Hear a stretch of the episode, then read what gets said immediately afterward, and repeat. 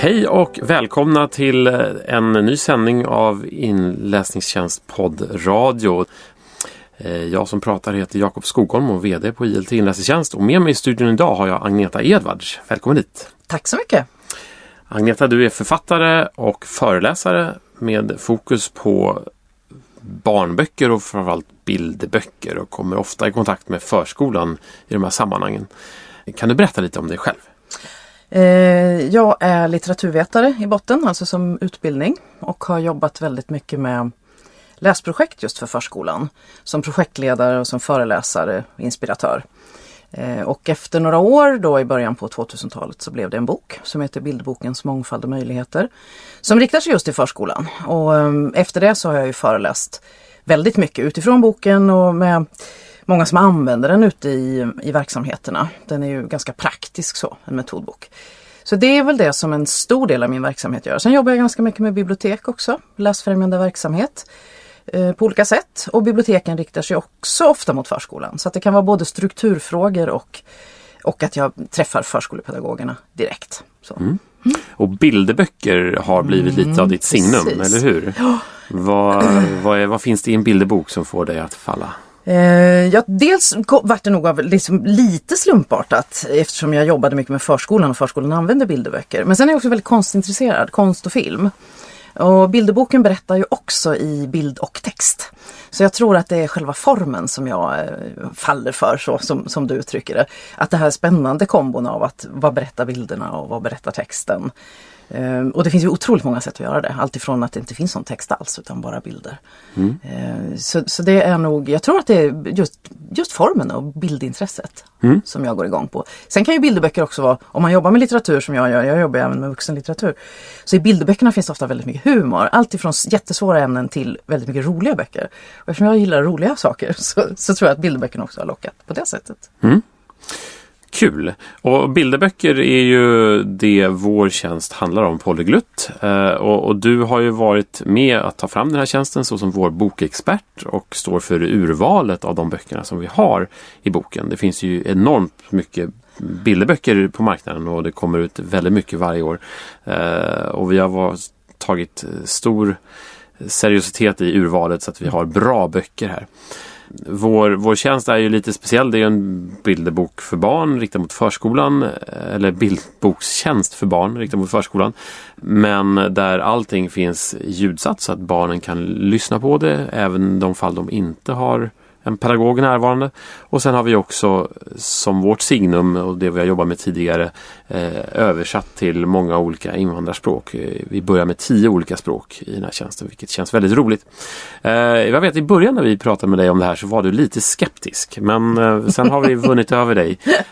Kan, kan du berätta lite grann, vad var det som vad fick dig att vara lite skeptisk och hur har du tänkt sedan dess?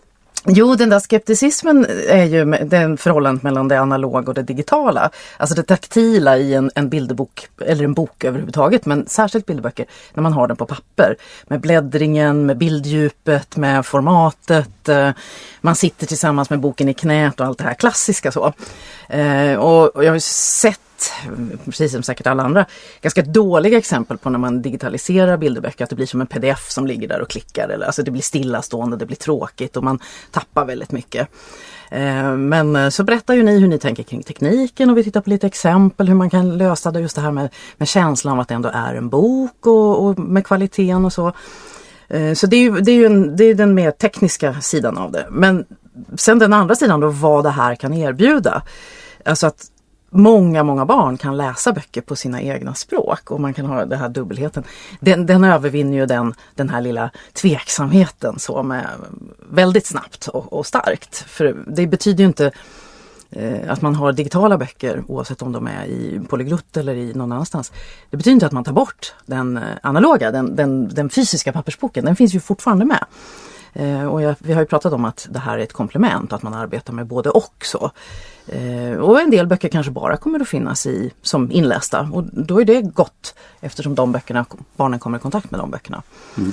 Ändå. Så att eh, för mig så var det, det var, gick ganska snabbt att komma över den men det var, jag tycker ändå det är bra att man liksom ställer sig de här, det hade ju ni också gjort. Ja, Ja. precis. Ja. Och, och för oss är det här en, en, eh, lite av en vidareutveckling av Mm. våra tidigare tjänster som riktar sig mot skolan. Vi har ju något vi kallar studiestöd modersmål Mm. och inlästa läromedel. Och nu tar vi steget mot förskolan men ändå samma tänk att, Mm. att stärka eleverna, stärka deras eh, språkutveckling. Och då är ditt ord du sa att det här är ett komplement. Mm. Eh, tanken här är ju att hjälpa eleverna att utsättas för litteratur, om man säger det.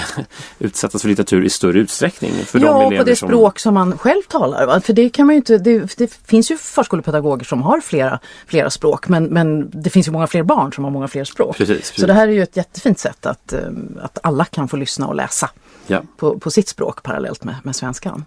Och, och givetvis vår orsak, grund till, till den här tjänsten är ju att vi ser att skolgången, grunden till skolgången läggs tidigt i, i barnens eh, liv, redan på förskolan. Det byggs upp ordförråd och, och så vidare och så vidare och det där är ju väldigt vad barnen har med sig från förskolan eller från, från förskoleålder ska jag säga eh, in i skolan varierar väldigt mycket beroende på vem man är uppväxt med och hur man har haft det i hemmiljö och så vidare. Och då anser vi att ju mer man exponeras för, för litteratur på förskolan kan det i viss utsträckning kompensera för de barn som kanske inte har fått de förutsättningarna hemifrån. Och här kommer vi in i, i litteraturens roll i, i hela förskolevärlden. Vad, vad, vad tänker du om det? Har vi, fångar vi en viktig fråga här? Ja, det tycker jag absolut. Eh, litteraturen och böckerna oavsett om vilken form de är i rent fysiskt så. Det är ju någonting som man när man pratar om det här med att det digitala tar över och sådär. Men text och läsning det kommer ju, och språk, det, det finns ju alltid som en grund oavsett om det är digitalt eller webben eller vad man nu söker kunskap eller vad man gör. Och, och absolut det här med att vanan att omge sig med olika texter, att prata om texter, om det så är skönlitteratur eller faktaböcker eller Eh, faktatexter, allt från mjölkpaket till mjölkpaket eller vad det nu kan vara för någonting. Att man arbetar aktivt med det. Det, det, det lägger ju grunden till att sen börja läsa och, och, och kunna få en läsförståelse och så. Eh, läsning är ju en så otroligt komplex fråga. Så, men att arbeta med, med den på ett aktivt sätt. Som en del av vår tjänst så ingår också inte bara en eh, väldig massa böcker på många olika språk men också en eh, pedagoghandledning kallar vi det. Eh, Så att vi kan förmedla mm, egentligen din kunskap om, om bilderböcker till fler och fler förskolepedagoger. Du har skrivit den pedagoghandledningen som, du, som man kommer åt genom tjänsten och genom appen. Vad innehåller en sån pedagoghandledning? Kan du ta eh, en, en snabb kurs? Ja precis, vi kör en crash course. Man kan säga att, att handledningen är ju en slags crash course eller snabbkurs som, som utifrån då det som jag brukar föreläsa om och det jag lyfter fram som viktigast då, från mina böcker. Då. Det, det kom, har ju kommit, precis kommit en ny bok som heter Boksamtal i förskolan. Eller Boksamtal med bilderböcker. Så att eh, Handledningen är ju i kort, kort format kan man säga. Allt ifrån den här grunden hur man skapar en bra läsmiljö. Du sa ju det här att liksom ösa böcker över barnen eller att man utsätter, utsätter det är ett väldigt roligt ord tycker jag. Utsätter barnen för mycket böcker. Så hur man kan göra miljön på förskolan eh, intressant och attraktiv. Att det alltid finns tillgång till böcker egentligen vad man än gör till exempel. Eh, och sen, så det som kanske har alltid varit min, min käpphäst och som jag upptäckte fanns ett så enormt stort behov av. Det var att prata just om det här med den aktiva läsningen. Att på många förskolor så kan man tänka att ja men vi läser ju varje dag för barnen. Ja, och vi gör det under vilan. Och det är ju en sorts läsning. Men att prata om bokstunder och lässtunder som är just aktiva, där barnen är med i boken, inte ligger ner och slappnar av utan som, som, många ser som dagens läsning. Eh, utan att man har aktiva bokstunder där man samtalar kring boken, man samtalar kring bilderna, samtalar kring texterna. Hur skapar man det? Så det finns det ju tips om. Ja, det har du skrivit en hel bok om. Ja, jag har skrivit en hel bok om det. Men det, då finns det en sån här, ja inte en hel bok, utan ett kapitel i den boken handlar ju om det. Så det här blir ett, en, ett litet utsnitt av ett kapitel kan man säga. Så det är ju en sak med liksom själva miljön och, och hur man kan ordna verksamheten så att, så att böckerna, barnen och böckerna kan mötas på ett bra sätt. Eh, Det kan vara svårt i en stökig miljö. Så hur, hur gör man då? Sen finns det också tips hur man gör just när man läser. Att det finns olika typer av läsning. Vilan, vad finns det speciella böcker kanske som är extra bra att läsa då eller som man inte ska läsa? Eh, vad väljer man för böcker med en helt ny barngrupp, en stor barngrupp? Vad vill man med sin läsning? Alltså har man en pedagogisk intention med den? Eh, och det kan ju vara att man tänker språk. All läsning blir språk, men det kanske är att man vill välja att satsa på böcker som på något vis utvecklar språket extra mycket. Eller man har en spännande fråga man vill prata om. Så hur man kan tänka när man väljer böcker. Det tycker jag är en av de viktigaste pedagogiska perspektiven. Så. Eh, det finns också ett, en, en, liten, en liten knapp som jag säger med ett litet innehåll om boksamtal. Som jag vet att många är väldigt nyfikna på. Vad är det? Och hur kan man göra? Hur kan man samtala på djupet om böcker? Så, det är väl kanske några sådana huvuddrag. Mm. Och givetvis eh, finns det mycket annat att läsa. Om man tycker vår handledning är lite tunn mm. Eh, så finns det möjlighet att eh, och hänvisningar till andra fördjupningsmaterial här. Ja men absolut, det finns ju många som, som har skrivit om förskolan när det gäller förskolans läsning och så. Så att det kommer ju finnas en litteraturlista där man kan läsa vidare. Jobbar man med småbarn så kanske det är vissa böcker som, som, som man tycker är intressantare än andra. De böcker jag jobb, skriver själv kanske riktar sig mest till pedagoger som jobbar med de lite äldre förskolebarnen. Så, ja, ja. Eh, så, att, så det kommer finnas mycket litteraturtips och mångspråk och många andra så. Temarbete är en annan fråga så här, som kommer att lyftas. Mm. Bra, mångspråk nämner du här. Det har jag mm. också nämnt någon gång. Det är inte kanske ditt expertisområde men det är Nej, ändå det är en, en viktig del av uh, vår tjänst här. Mm. Uh, där vi har satsat väldigt mycket på mm. att uh, just översätta böcker till andra språk. Men du har ändå tyckt att det är en bra idé? ja men absolut, det är det ju. Sen har vi lyft, lyft, in då olika experter som, på det som, som också finns med Precis. i handledningen. Som, som inte är mina. Men hur, din, med din erfarenhet från, från förskolor mm. så där du har jobbat och så, hur tror du att mångspråksfrågan tas emot? Hot och vilket behov tror du det löser? Eh, jag tror att det löser just det här behovet med, med, med, barn, att barn kan få läsa på sitt eget modersmål utan att det finns pedagoger som kan det. Eller även om det finns pedagoger som kan det, som, som att de får mer tid till, till det.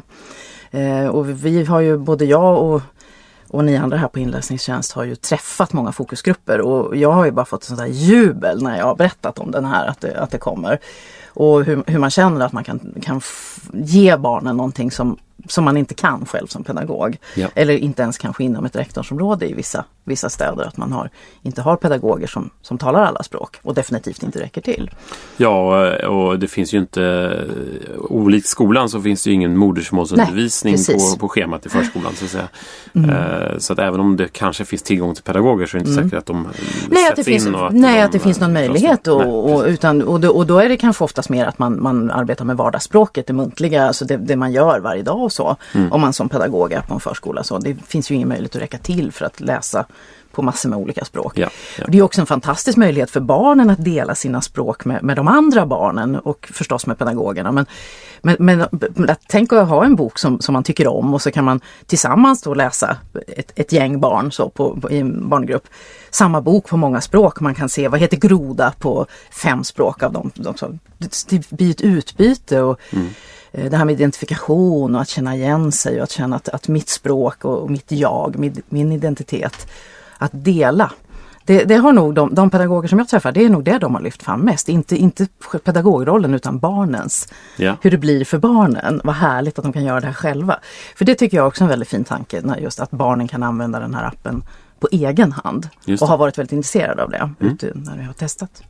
Eh, jag kan ju lägga till en kommentar kring språket. Vi säger att vi översätter böckerna men det är faktiskt så att själva boken och texten i boken som man ser framför mm. sig på i appen den är ju fortfarande på svenska. Men ja, det. det. är ljudet som översätts ja, så man kan alltså få den uppläst på olika mm, språk. Man får den uppläst, ja, precis. Och, och tanken är ju helt enkelt att, eh, eller hade vi översatt själva texten så hade mm. det fortsatt krävt en pedagog som kunde läsa den på precis. det modersmålet.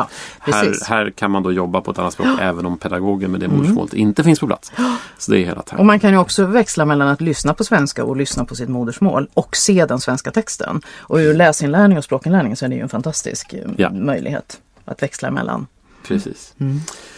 Vad bra, men eh, då är vår tid slut här och eh, jag får tacka dig för din, din medverkan. Mm, tack och, själv! Vi hoppas att många där ute får chans att uppleva både polyglutt och även fördjupa sig i dina, din pedagoghandledning. Och är det någon som har några frågor så, så finns vi tillgängliga för att svara på frågor via vår Facebookgrupp. Där man kan ställa sina frågor och Agneta finns ju lite här och där runt om i Sverige. eh, och kommer säkert göra så än mer med i vår regi här framöver. Mm. Så tack så mycket och ja. tack alla lyssnare. Tack själv.